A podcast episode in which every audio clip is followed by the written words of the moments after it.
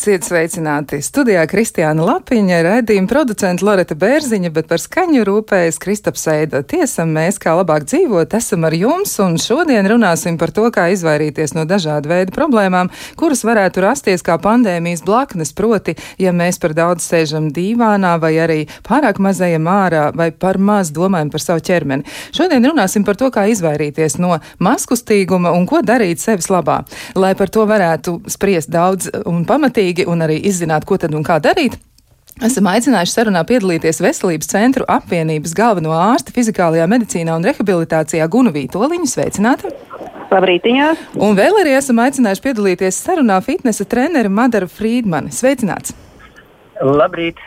Nu, izskatās, ka patiesi ir ļoti lielas problēmas brīžam pasaulē reģistrētas, un izskatās arī, ka tās joprojām attiecas uz eh, šo situāciju. Iespējams, ka stāvoklis, jeb situācija ir pat mainījusies uz nelāgo pusi, jo izrādās, ka visā pasaulē 31,1 iedzīvotājiem vecumā virs 15 gadiem, jeb aptuveni 1,5 miljardiem cilvēku, fizisko aktivitāšu līmenis ir zemāks par rekomendēto, un pusauģiem klājas vēl grūtāk. Pusauģu vidū fizisko aktivitāšu līmenis ir vēl zemāks - 4 no 5, jeb 80% no pusauģiem vecumā no 13 līdz 15 gadiem nav pietiekami fiziski aktīvi. Un tas nav kaut kas tāds, kas ir tā vienkārši kaut kur kāda ziņa, kas ir izsprukusi no kāda cilvēka mutes, bet tas ir nopietnas pētījums, ko savu laiku ir veicis arī viens no respektablajiem, ja publicējis precīzāk respektablais medicīnas žurnāls Lancet, bet pētījumā piedalījās 33 zinātnieki no dažādām pasaules valstīm. Nu, es viņiem ticu, iespējams arī, ka mums pārējiem tomēr nāksies viņiem noticēt, bet lai mēs varētu saprast, kā klājas ar mums pašiem.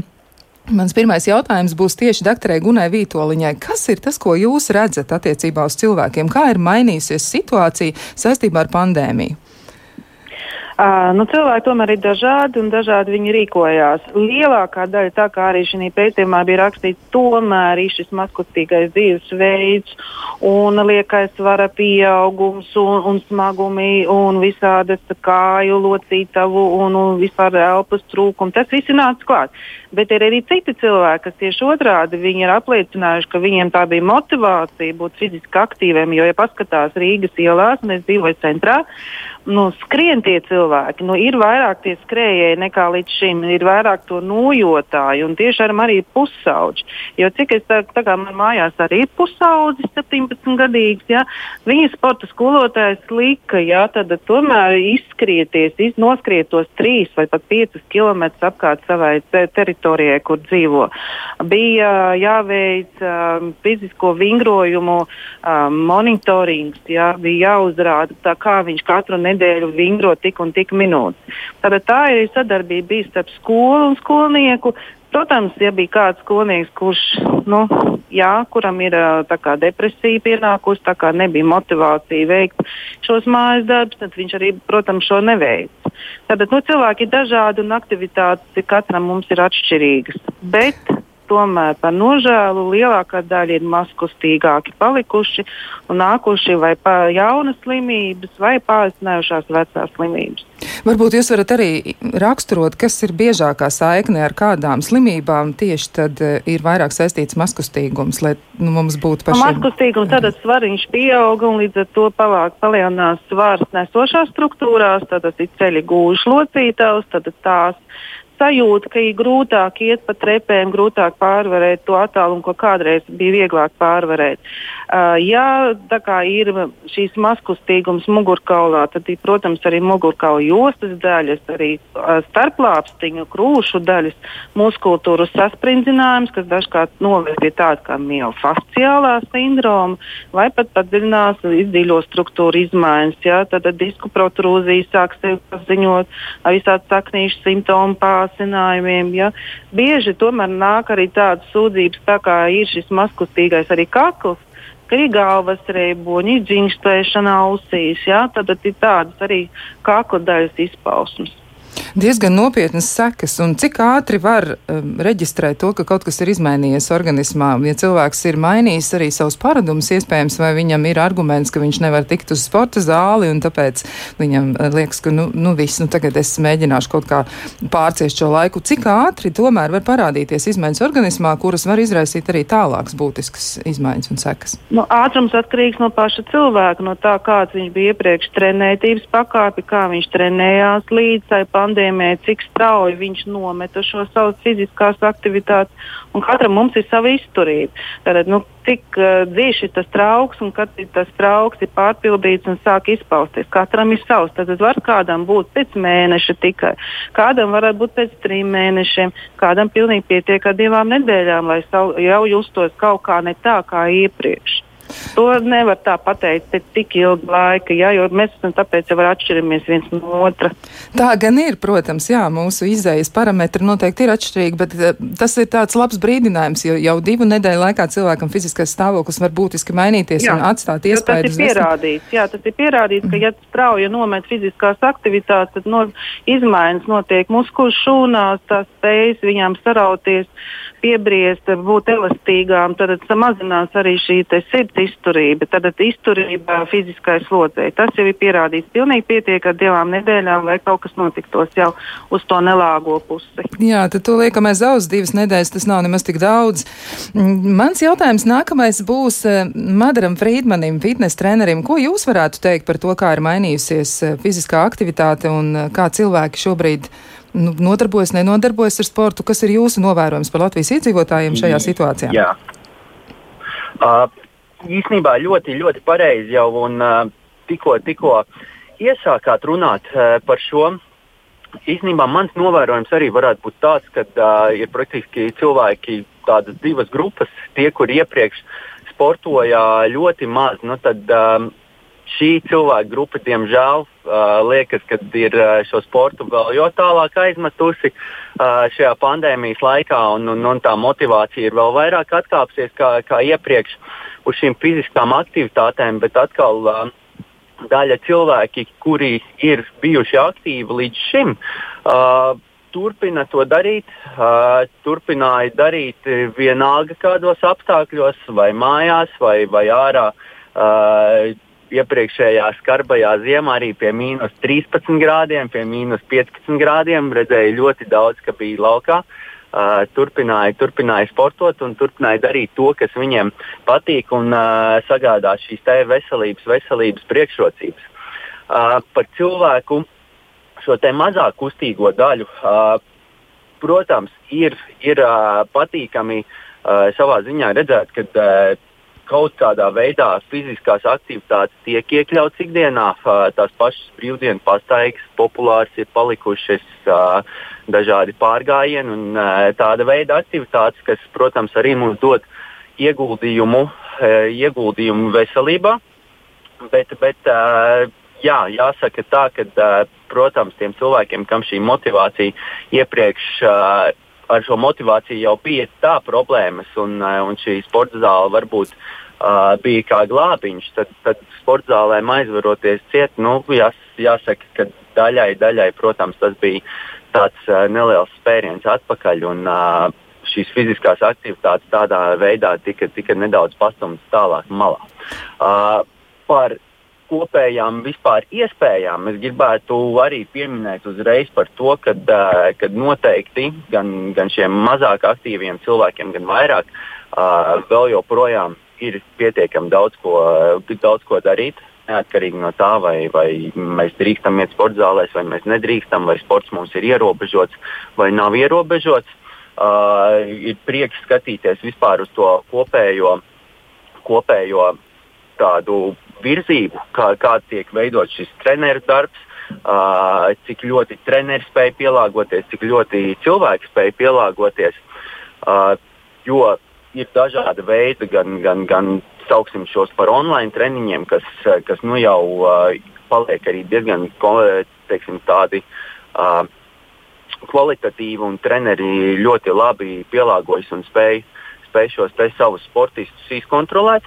Tas ir viens. Otrs, šīs sporta zāles nu, lielā mērā tika pārnestas svaigā gaisā laukā. Nu, varbūt tie, tie gluži nebūs sporta zāle, kādu mēs ar viņu iztēlojamies, bet teiksim, grupu nodarbības dažādu veidu, arī kā es pats saglabāju uh, savu darbību šo, šo ierobežojumu laikā, tad uh, šie, šāda veida treniņi ir ļoti populāri un uh, arī cilvēki ir ļoti atsaucīgi.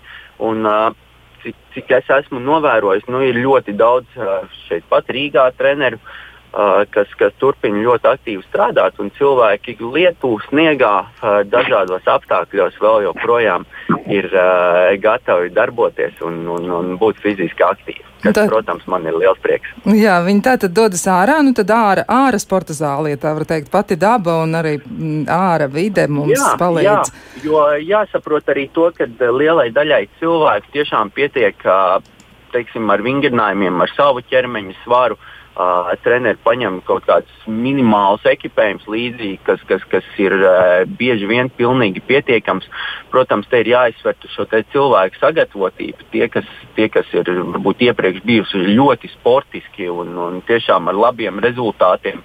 Uh, kaut kādā tautas sportā piedalījušies vai, vai, vai tā tālāk. Uh, Uh, tie varētu būt, kas savā ziņā jūtas ierobežoti, jo, jo nu, lai, lai teiksim, tādu augstāku uh, sagatavotības līmeni noturētu, iespējams, ka vajag kaut ko, kaut ko mums nedaudz vairāk par, par, par tādu vienkāršām savu ķermeņa aktivitātēm.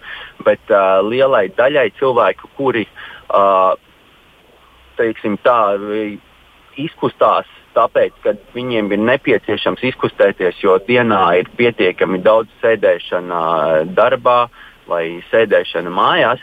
Uh, mēs ļoti labi sevi varam stiprināt un, uh, un, un, un darboties pilnībā bez nekāda papildus ekipējuma. Šīs sporta zāles mums praktiski nav vajadzīgas. Mums ir vienīgais vajadzīgs kāds zinošs, kurš mūs ievirzīs pareizās sliedēs, lai uh, uh, mēs nedarītu sev pāri un dabūtu pretī kādu ieguvumu no tā, ko mēs darām. Tā gan jāsaka, ka laikam ir tā, ka tie cilvēki, kuri bija mazkustīgi, tagad ir gandrīz kļuvuši nekustīgi. Tas laikam nebūtu īsti pieļaujams. Jā, bet nu ne katrs ir bijis um, crossfit čempions junioros. Jā. Varbūt, ka tas ir grūti, grūti nu, tā kā apgūstams ieradums, un tāpēc man arī ir jautājums, ja reiz sportošanu mēs varētu nu, nosaukt par labu ieradumu vai labu attieksmi pret sevi. Kā jums liekas, Madara, un pēc tam arī šo jautājumu es noteikti uzdošu doktorai Gunai Vitoļņai, kā jums liekas, kas varētu būt motivācijas veicinātājs vai uzturētājs, kā cilvēkam sākt un nu, kā viņam aizvest sevi līdz tai domai, ka ir kaut kas jādara ar sevi? Jā, nu, tas, tas jā, šis jautājums ir, eh, ir, ir populārs jautājums. Uh, es uzskatu, ka pirmām kārtām jau tiešām vajadzētu cilvēkam paskatīties, paskatīties uz sevi, panalizēt sevi un uh, būt pašam sev kā, kā, kā šī motivācijai. Jo jāsaprot, ja mēs neesam apmierināti ikdienā ar kaut ko, varbūt mums laimes hormoni pietrūkst. Uh, iespējams, mums ir izveidojies liekais svars, jau jūtam kaut kādas, kaut kādas šīs veselības problēmas, diskomforta ikdienā, nu, tas, tas, ir, eh, tas ir sauciens, ka vajag kaut ko, ka vajag fiziskās aktivitātes, un uh, tam būtu jādarbojās jau sev kā motivācijai.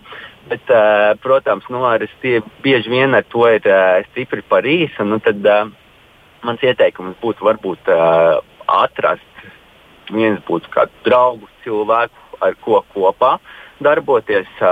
Tādā veidā viens varbūt otru var savā ziņā pamotivēt. Otrs ir noteikti jāatrod arī teiksim, šī fiziskā aktivitāte tāda, kur cilvēkam iet pie sirds, vismaz sākumā.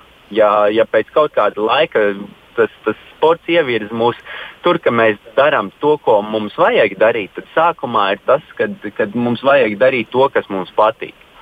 Un, uh, tas būtu tāds, tāds, tāds gal, galvenais iemesls, jo ne visus var uh, nolikt teiksim, ar, ar pilnīgi vienādiem pretī vingrinājumiem, un, un šī te, uh, tā, tā deksme uz viņiem būs vienāda. Ja? Mm. Tāpēc, tāpēc sākumā noteikti vajadzētu kaut kādā veidā radīt šo deksmi. Un, uh, protams, ja ir šī rocība, nu, tad meklēt arī speciālistus, pie kā vērsties, ar ko, ar ko uh, kopā darboties. Bieži vien jau cilvēkiem ļoti tieši iepatīk darboties uh, treniņos kopā ar treneriem. Uh, treneri viņus spēj pamotivēt.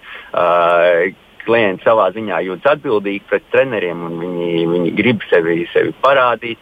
Uh, un, jā, tas, un tad, tas notiek, tad notiek lietas. Tāds, jā, tas, tas, tas būtu domāju, tas, kas uh, strādātu šajā gadījumā. Bet tā kopēji nu, jāņem vērā tas, ka, protams, šī motivācija, viņa, kā jau motivācija, viņa mums nāk un viņa iet, bet šī fiziskajai aktivitātei būtu jāpaliek. Tāpēc uh, ir ļoti būtiski iesākt, uh, izveidot sev šo ieradumu. Un šis ieradums jau gribētu teikt, ka viņš, viņš pārdo, pārtop mums tādā disciplīnā, un um, mēs paši ļoti labi pēc tam saprotam to, ka mums ir ir lietas, kas mums ir jāizdara, ka mums ir jābūt fiziski aktīviem, lai mēs justos labi un neatkarīgi no tā, vai mēs konkrētā dienā vēlamies vai nevēlamies. Mēs, mēs darām to.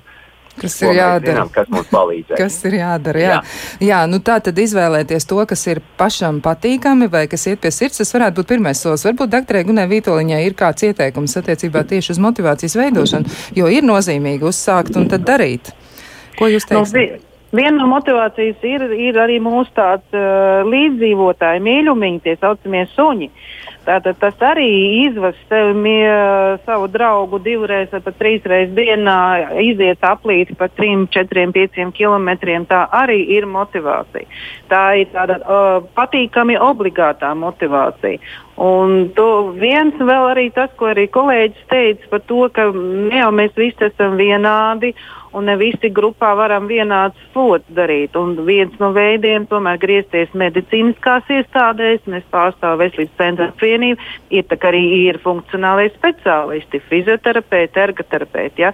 Tātad sastādīt programmu, paskatīties, kā tipa fiziskās aktivitātes dara, var griezties pie šiem funkcionāliem speciālistiem pandēmijas laikā visas iestādes ir noslogotas un strādā, un ir kvotas, un arī maksas lietas. Ja.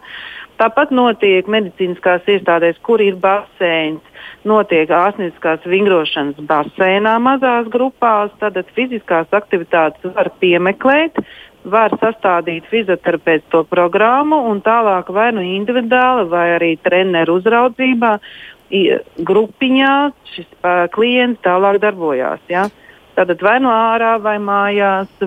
Teiksim, es braucu garām Grīziņu kalnam. Ja? Tur ir atvērta ar jumtu trenižera zāle, kur šie trenētie, ja, augstāk jau trenēts, izturīgs cilvēki trenējās ar saviem cilās varus.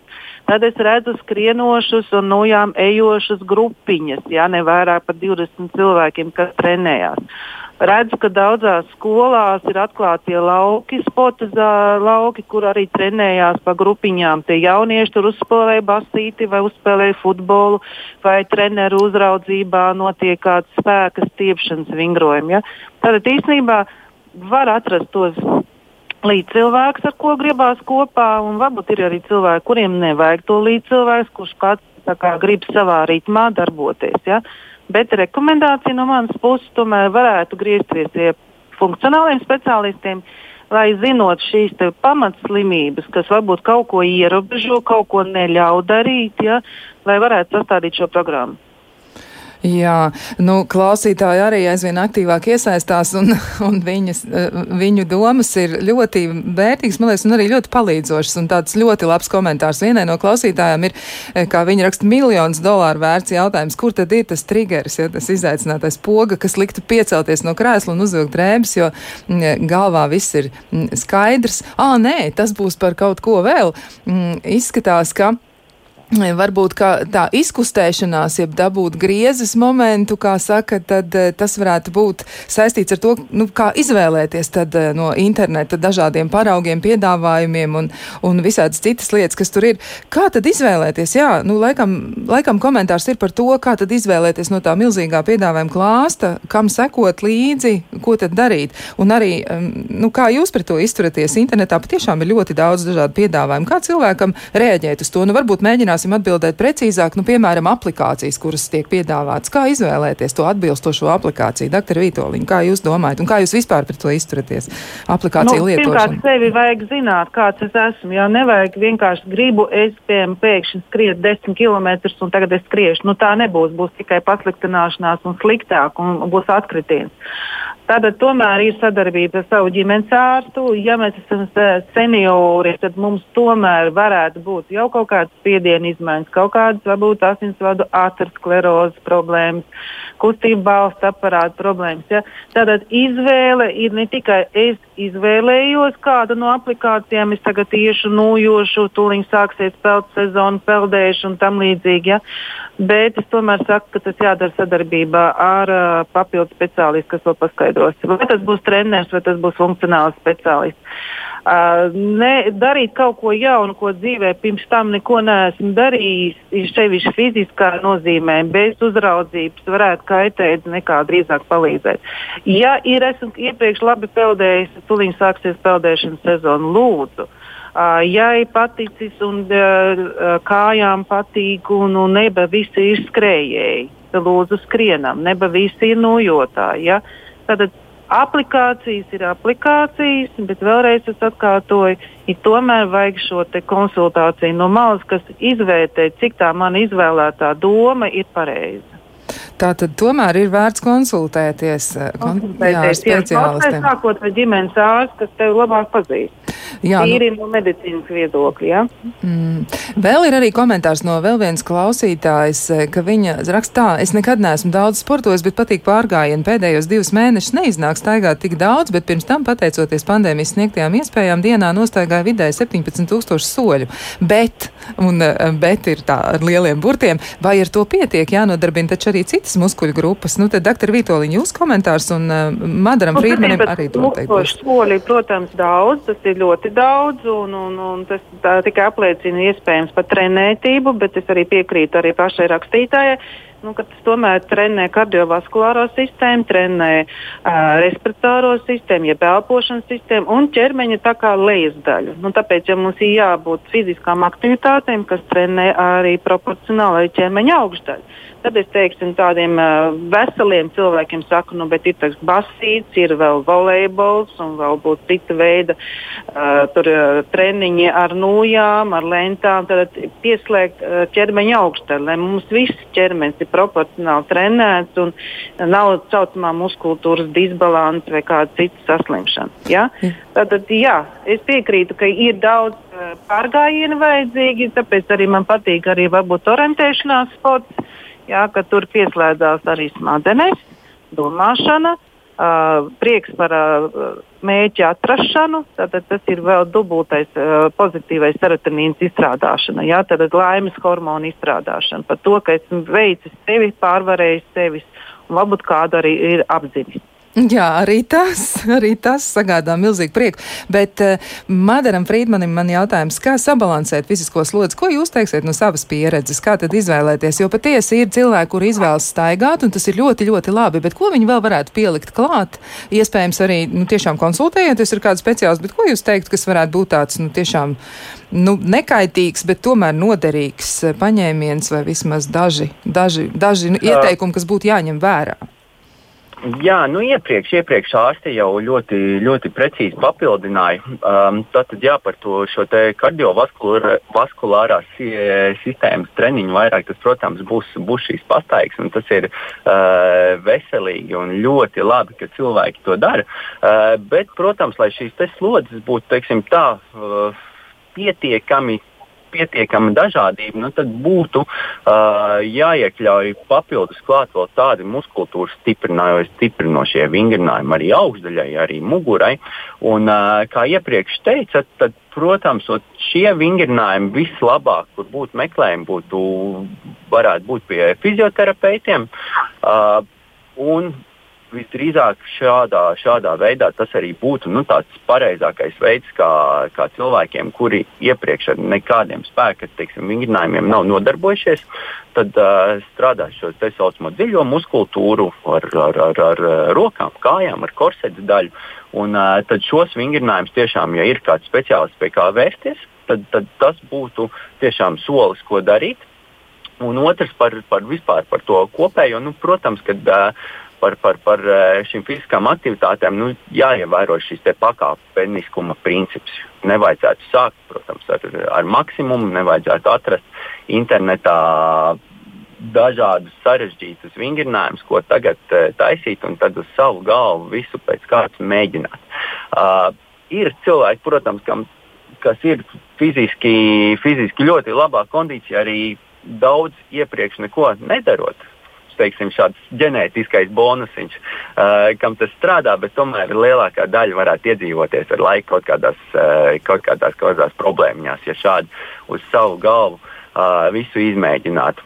Jā, tas uh, nebūtu labi. jā, un, un, un, un par, te, par šo daudzumu. Uh, es gribētu teikt, ka kādas divas līdz trīs reizes nedēļā papildus iekļaut vingrinājumus uh, muskultūras stiprināšanai, tas būtu tāds pareizais virziens tam, ja mēs ikdienā jau tā pietiekami daudz kustamies, ja mēs staigājam, ja mums varbūt darbs ir ļoti aktīvs, tad ar šādām divām, trīs reizēm nu, tādam veselības sportam un, un, un savai, savai veselībai cilvēki, tas būtu ļoti labs virziens un daudzums. Jā, tātad skaidrs, kas mums ir jādara, tā kā mums arī jāmēģina sabalansēt šīs lietas. Mēs sarunu par to, kā būt fiziski aktīviem un kā izvēlēties pareizo slodzi, kas būtu atbilstoši tieši mums, un arī vēl citas lietas, mēs šo sarunu turpināsim pēc īsa brīža. Kā labāk dzīvot?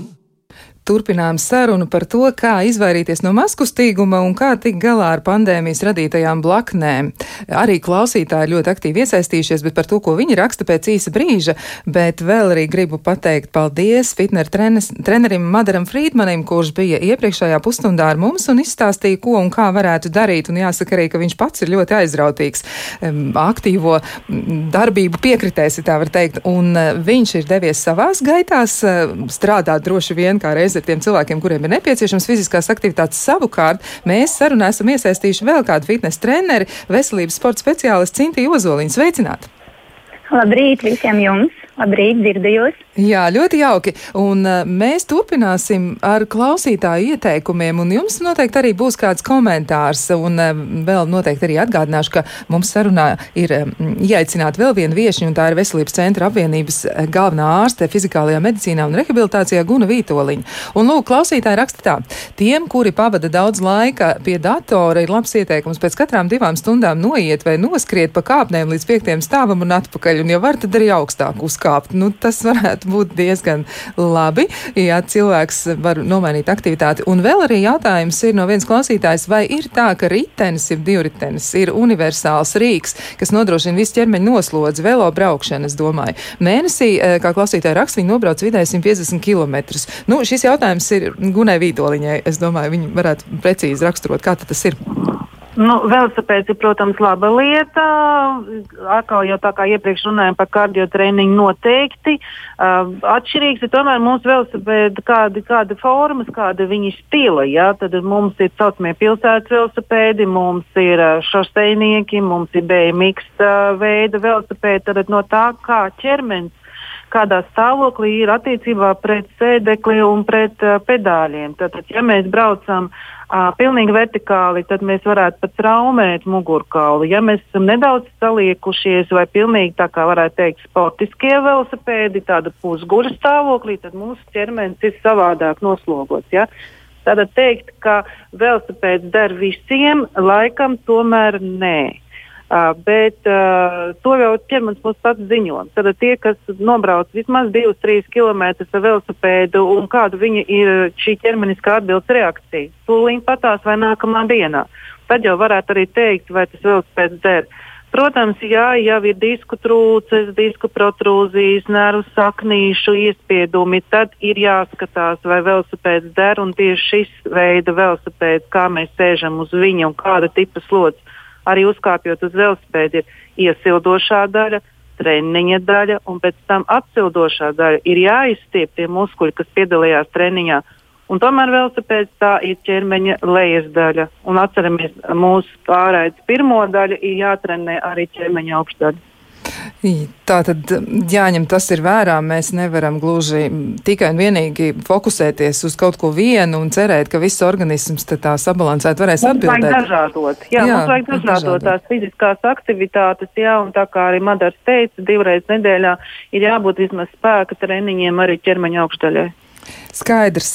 Jautājums Sintijai Ozoliņai, arī fitnes treneri, nu, tomēr ar pietiekam lielu pieredzi un noteikti arī zina sīk un smalki, ko un kā, jo klausītājiem ir ļoti konkrēti jautājumi. Nu, piemēram, kādi vingrinājumi ieteicam mājas apstākļos, lai varētu stiprināt dziļo muskulatūru? Ko jūs teiksiet, ko vislabāk varētu darīt?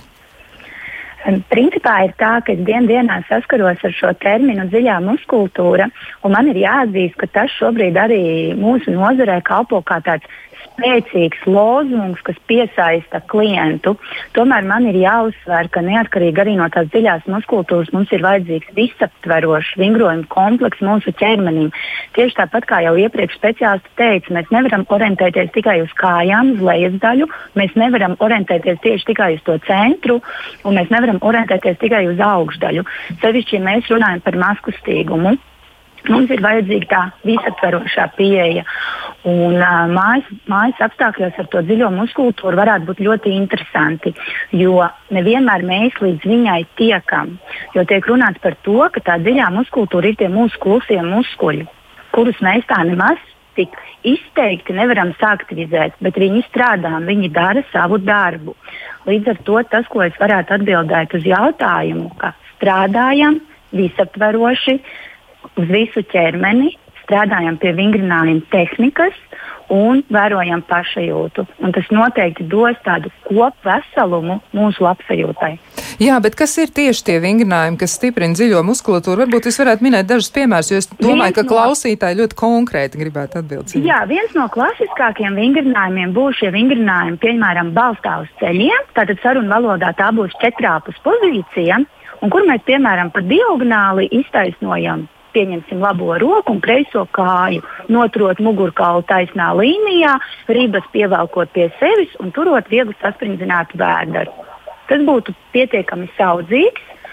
Uh, Visi vingrinājumi, kas ir vērsti uz līdzsvaru, uz balansiem, tad stāvot piemēram uz vienas kājas, mēs paceļam otru kāju, noturam līdzsvaru, balansus. Un, un attiecīgi šādā pozīcijā nodarbinām savu ķermeni. Jā, nu, pietiekami daudz, gan jau, ka ir arī ieteikumi, bet nu, ir skaidrs, jā, ka tie muskuļi, kurus eh, laikam tiešām ikdienā tā uzreiz. Mēs neatpazīstam kā tādus, kurus mēs varam nu, kaut vai sataustīt jau vai uzreiz tiem pieķerties. tieši tā, Jā. tieši tā. Bieži vien tāda dziļā muskultūra, ko, ko, ko es arī saviem klientiem stāstu, tad, kad jūs noguliet, noguļaties guļus uz muguras un uzlieciet abas plaukstas uz vēdera lejas daļu un mēģiniet paklapot. Un tad, kad jūs ieklapojaties, jūs jūtat, ka jums tur lejas daļā notiek tāda tā sasprindzināšanās, saraušanās. Un tad jūs viņus sākat sadzirdēt. Bet vai vingrinājuma laikā jums izdodas viņus sadzirdēt, tas ir liels darbs, kas ir jāiegulda. Tas nemaz nav tik vienkārši, un arī tad, kad uh, ir, ir jāvingro, tad ir tā sajūta, ka ir tik grūti, tik grūti, bet jāsaņemas un jāturpina. Tas nav. Tieši tā, jā, tieši tā.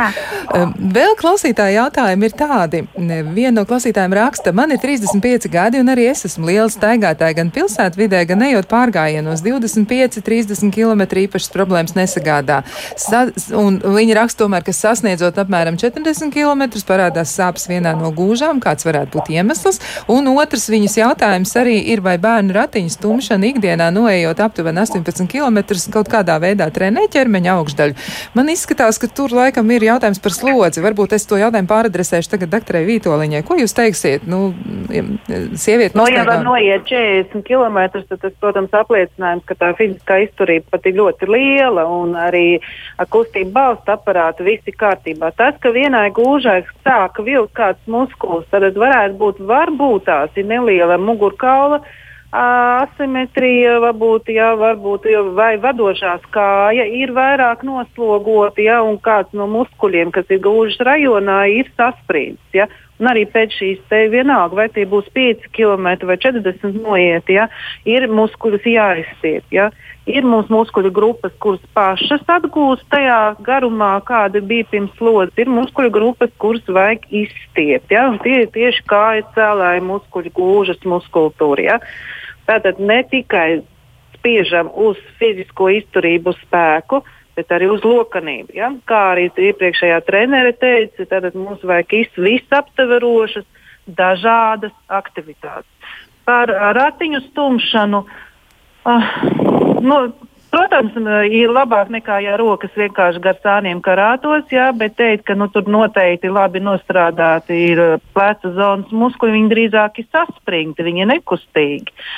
Diez vai ka ratiņu stumšana aktivizē un kaut ko uzlabo plecu joslai. Tātad tas īsti nebūs. Tas izskatās arī, jā, tur tāda kombinācija varbūt ir arī, un tad ir tā, ka, nu, klausītāji mēģina noskaidrot, vai tad visu šo saliekot kopā, vai tas palīdz arī ķermeņa augšlē. Bet izklausās, ka Sintijai ir ko piebilst. Jā, es labprāt piebilstu, jo es ikdienā strādāju ar jaunajām māmiņām. Eh, ikdienā vadu nodarbības jaunajām māmiņām. Tas, ko es novēroju praksē, ka jaunajām māmiņām ir ļoti, ļoti jāstiep krūšu muskultūra.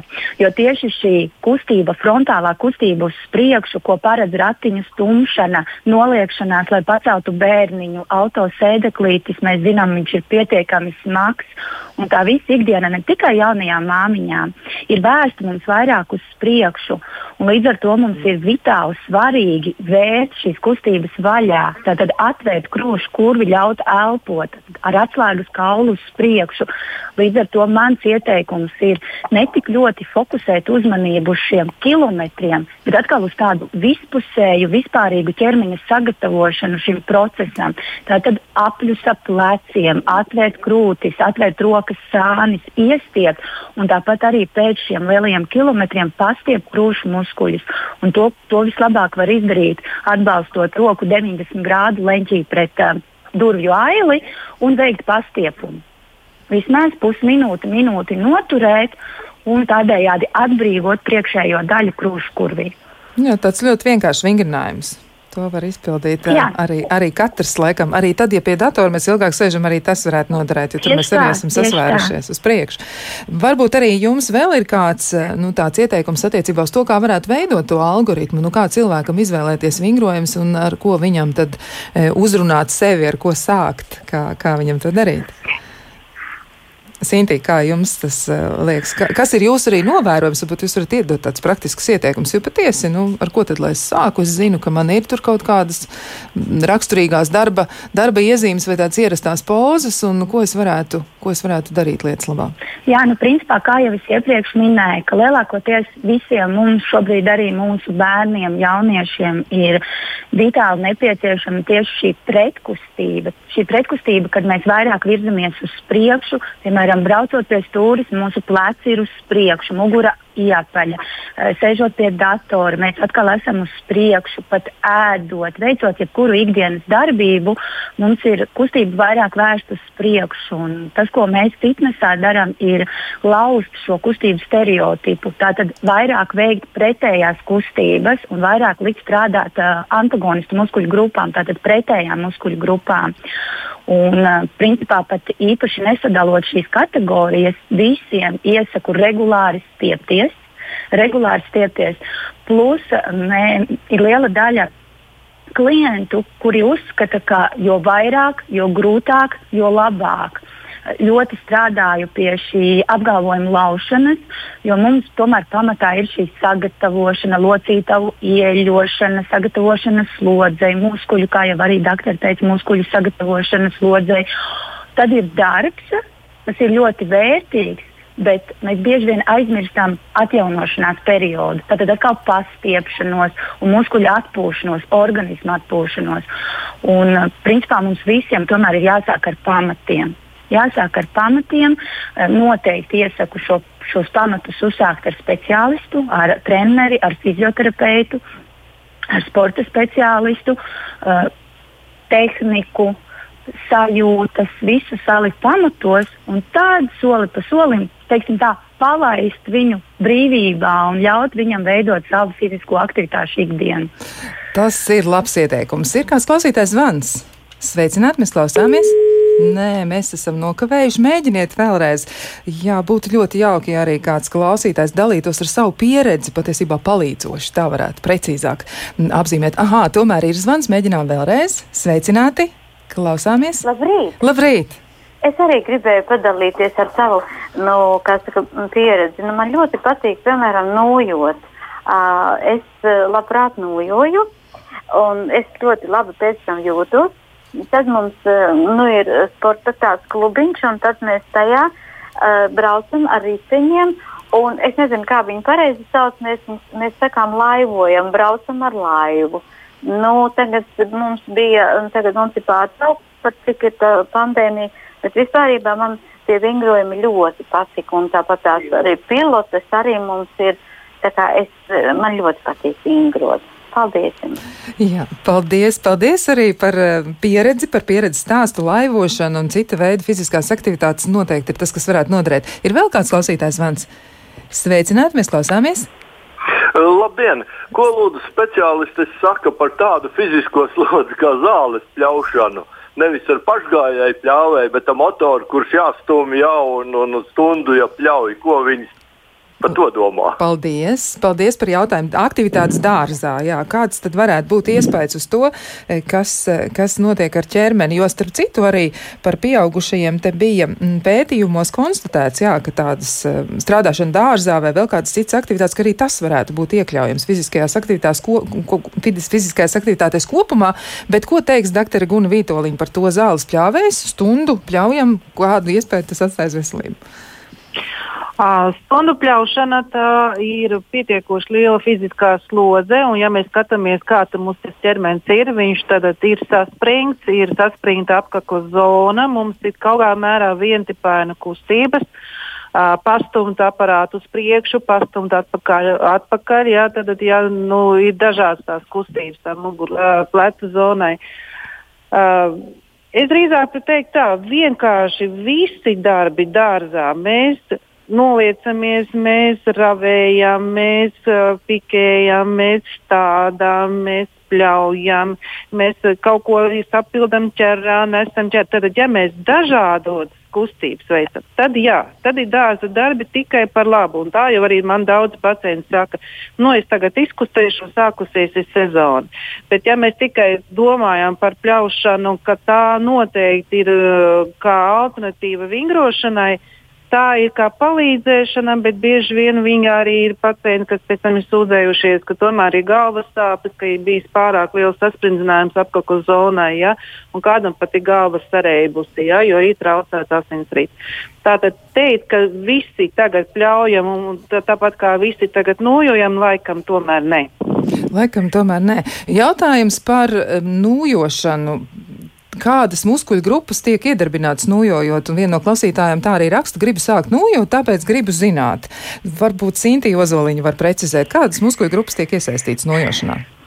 Principā nojošana ir šobrīd un pēdējos gados guvusi ļoti, ļoti lielu popularitāti. Arī es iesaku, rekomendēju, jo nojošana būs visaptvaroša gan kā kardioslodze, atbilstoši, ja tiek nojots uh, pulsa zonā, kas ir trenējoša.